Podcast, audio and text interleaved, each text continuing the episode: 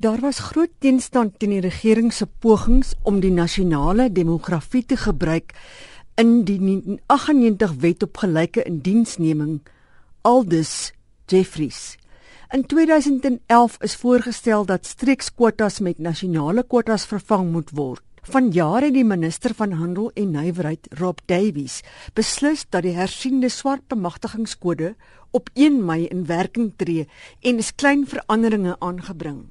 That in future ESOPs and community trusts would only earn three points out of 25 on the ownership element.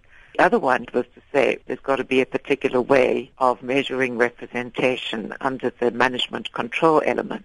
And he said, you've got to look at the national. He doesn't use the word national. He said the EAP is divided up by race group, African, colored, Indian so that when employers are setting their targets, they must go for the maximum per race group. If Africans make up X percent of the EEP, that's what we must use, and likewise for Indians as for colored. Jeffrey sê die regering gebruik reeds jare die nasionale demografie met die aanstel van mense in die departemente.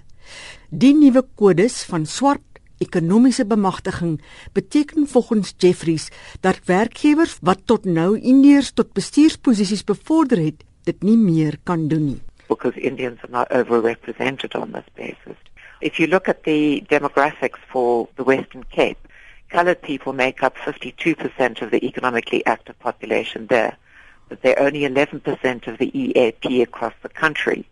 But if employers in the Western Cape now have to start applying the national demographics when they're making appointments to management levels to win points under the BEE codes, then they must not have more than 11% colored people in management posts. In KwaZulu-Natal is Indiërs 11% van die ekonomiese aktiewe bevolking, maar hulle vorm slegs 3% van die nasionale ekonomiese aktiewe bevolking. So hier kan 'n werkgewer nie meer as 3% Indiërs in bestuursposisies aanstel nie. Jeffrey sê landwyd beklee Indiërs 8% bestuursposte en is 15% in senior bestuursposte. Vir Jeffries is dit 'n aanduiding dat Indiërs se opleiding reeds vir baie jare beter is as swart opleiding. That would be seen as an overrepresentation that employers would be under pressure in some way to manage down their Indian representation at senior levels.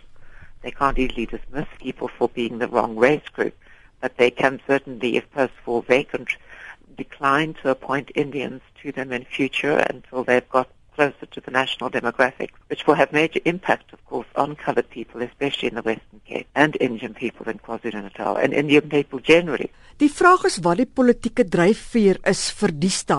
Sy sê die destydse direkteur-generaal van die departement van arbei, Jimmy Manyi, het voor die poging om nasionale demografie in die wet te gebruik, sekere omstrede opmerkings gemaak wat wyd reaksie ontlok het. That colored people were over-concentrated in the Western Cape and that if they wanted jobs they should move away. He suggested that there was an underrepresentation of colored people in Northwest, so they should up and off to Northwest where they would be able to get jobs in terms of the national demographics the Western Cape as a province which is outside of ANC control, perhaps largely because many coloured people do vote for the DA rather than the ANC. And if there was a reduction in the coloured population and an increase in the African one, the ANC might feel more confident of gaining that province back. Dr. Anthea Jeffries, die hoof van beleidsnavorsing by die Instituut vir Rasseverhoudinge, Mitsi van der Merwe in Johannesburg.